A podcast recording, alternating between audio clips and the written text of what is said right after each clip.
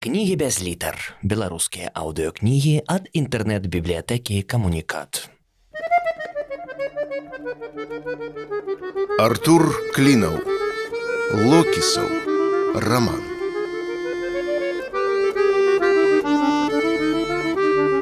Глава 19. Локісаў за гідай разглядаў шчыльна змаляваны вуліцамі пакамечаны аркуш паперы. Дакладных адрасоў бярмуды, вядома, не ведаў, таму па памяці крэсліў схемы, як знайсці чалавека. Людзі са спісу зінаіды жылі ў розных канцах пасёлка, таму ў выніку атрымаўся невялікі рукатворны план мястэчка, які нечым нагадваў мапу з рамана жульверна, таямнічы пірацкі паўвостраў, разрэзаны каналамі судаходных вуліц.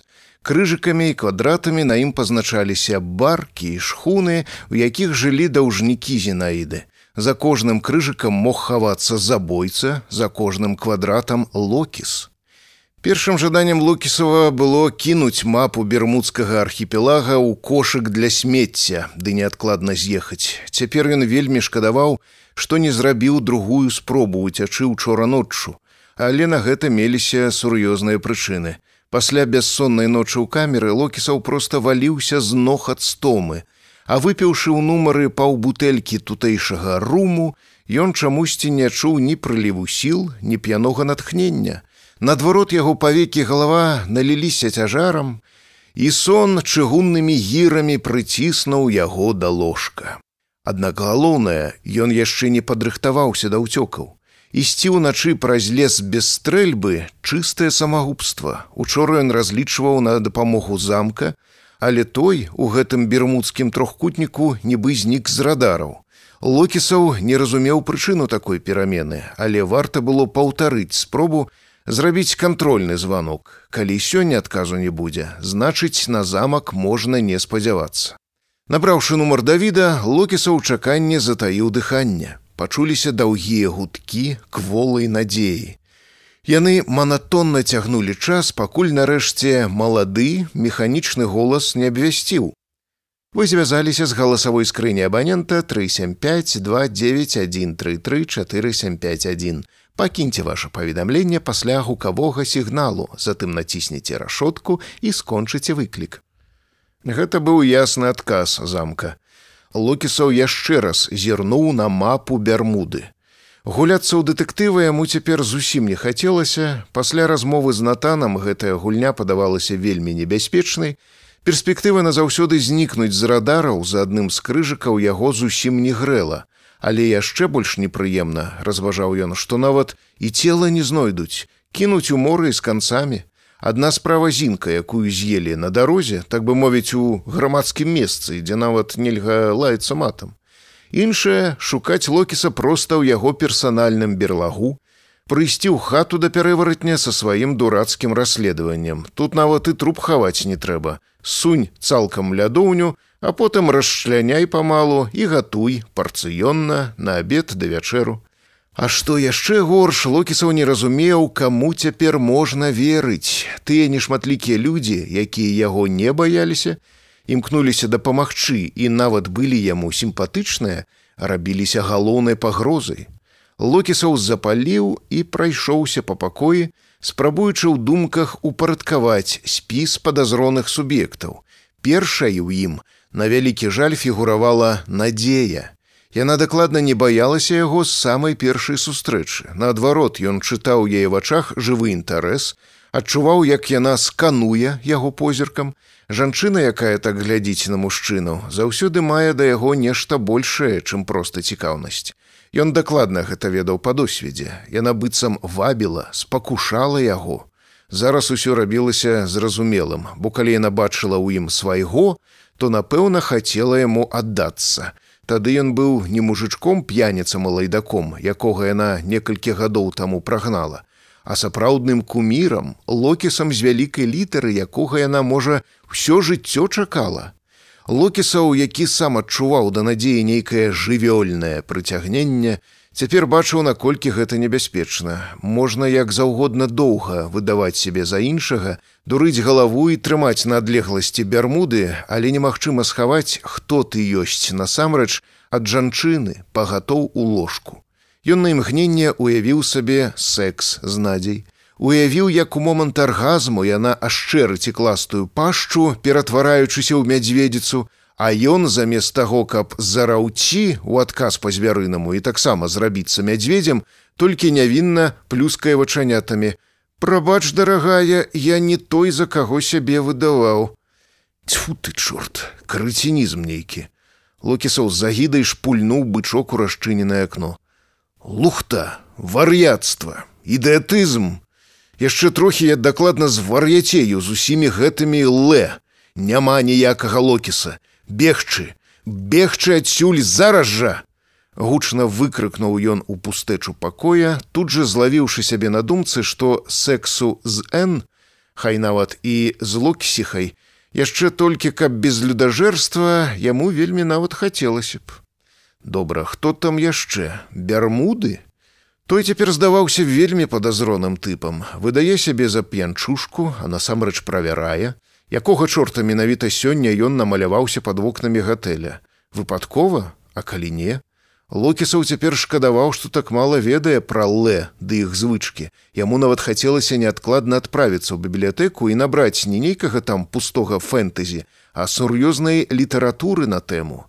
Як ле распазнаюць адзін аднога, па знаку, асаблівым поціску рукі, як масоны, па сакрэтным слове, па форме вуха, можа па колькасці зубоў, па спецыфічным водары пад пахамі, між іншым апаху недарэмна яго сёння раніцай збянтэжыў гэты асаблівы водару хазмаху.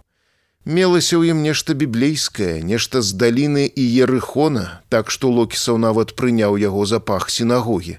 Натан сказаў фіміям а што калі і гэта была праверка? А калі натан і ёсць локіс бо ён дакладна яго ні кроплі не баяўся толькі свідраваў сваімі вострымі вераб'інымі вочкамі быццам правакаваў і чакаў, што локісаў расколецца, сам сябе выдасць. Добра, што ён стрымаўся і не прагаварыўся. У гэтым мястэчку зараз ні з кім нельга быць шчырым, меркаваў локісаў, спрабуючы ўзгадаць, хто яшчэ можа выклікаць падазрэння. Ну, вядома, як жа ён мог забыцца. Баба з кілбаснага аддзела. Учора ўвечары новая касірка трэслася ад страху, а гэтая зусім не баялася. Уперла руки ў бокі рала пеця падай барну касэ і ручку сакэ ёй глотку падазроная таўстуха можа гэта яна і зжэрла грамадзянку турмілович чорт яго ведае што ў іх там калектыве здаралася. Вытворчы канфлікт вось і саскочыла з катушак трэба будзе да яе прыгледзецца зноў жа лапіцкі со сваімі міхалычамі цалкам могуць аказацца брыгадай пярэваратня ў пагонах Людаеды на варце парадку. Самі жаруць, самі сябе ловяць, але злавіць не могуць. А Эма Паліна козел, як яна на яго паглядае, просто пажырае сваімі страшнымі гатычнымі вачыма. Яна адзіная з усіх, хто ўзрадаваўся, што локісаў не з'ехаў з пасёлка, дакладна. Як ён адразу гэтага не заўважыў, Яна ўвесь час неяк дзіўна падміргвае яму адным вокам, нібы на нешта намякае, пастаянна аблізвае вусны, быццам бачучы яго сліну пускае. А учора, сустрэўшы нібы выпадкова ў калідоры, проста адкрытым тэкстам сказала: « А вы, таварыш капітан яшчэ нічога, стаўце свой дэндроут на якар. Бацяня, махні вяслом, люблю алдовых. Божа, што за слова, алдовых! Яна ж нават не ўтойвае сваёй арыентацыі, апранаецца і фарбуецца як пярэврацень. А можа яма з новага прагрэсіўнага пакалення каменаўтаў не хавае і не хоча хаваць сваю людажэрную сутнасць. Чым болей локіса ўзгадваў дэталяў абставінаў, тым больш разумеў, што тут усе падазроныя. Нават тыя, хто нібы яго баяўся, не выклікалі даверу, бо гэта магла быць толькі маска. Якраз эма ў гэтым сэнсе здавалася больш шчырай і бяспечнай, чым Новая касірка гастранома, якая з нявінным перапалоханым тварам магла ўжо чакаць яго з сякерай за рогам гатэля.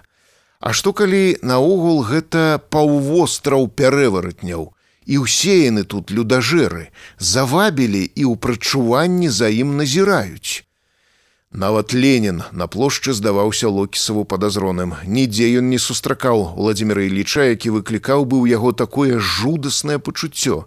Не, ён не быў брыдкі, наадварот па-ленінску прыгожы і грацыёзны, з элегантна выцягнутай наперад рукой ён быў падобны да танцора балета, які на доўгіх вытанчаных ножках лёгка і ў прыскокі, нават нягледзячы на прывязаны да ступакоў пастамент, рушыць да камунізму. Аднак з усіх помнікаў, якія локісаў за сваё жыццё бачыў, Іліч пазіраў на яго хоць і вечна жывы, але мёртвымі, застылымі ў камені вачыма, і толькі тут локісава пераследавала адчуванне, што зрэнкі Леніна варушацца.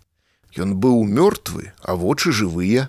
Нават сёння па дарозе да склада з цэментам ён спінай адчуваў, як ільіч на яго скасавурыўся. Напэўна, і зараз няўхвальна пазірае, як локісаў нумары паліць пад забароннай шыльдай. Адзінае, да каго ён чамусьці па-ранейшаму меў давер, гэта Разалія і Васіль, яго былая давераная асоба. Менавіта нехта з іх мусіў адыграць галоўную ролю ў яго новым плане ўцёкаў. Аднак Васіль жыў за пасёлкам, а Разалія была побач, таму ён вырашыў з яе пачаць. Не, які Ленін, якая таўстуха з кілбаснага дзела, які вытворчы канфлікт, яшчэ раз гучна вылаяўся локісу. Дакладна я пачынаю вар'яцець. Няма ніякага локіса. Бегчы, бегчы сёння ж, не, нават не бегчы. Збегчы яшчэ можна было ўчора, а сёння ўжо толькі з'ябываць. Не пабаімся гэтага слова ў грамадскім месцы, з'ябываць ды як найхутчэй. Ён сунуў кішэню мапу бярмуды, жвава апрануўся і вылецеў з пакоя.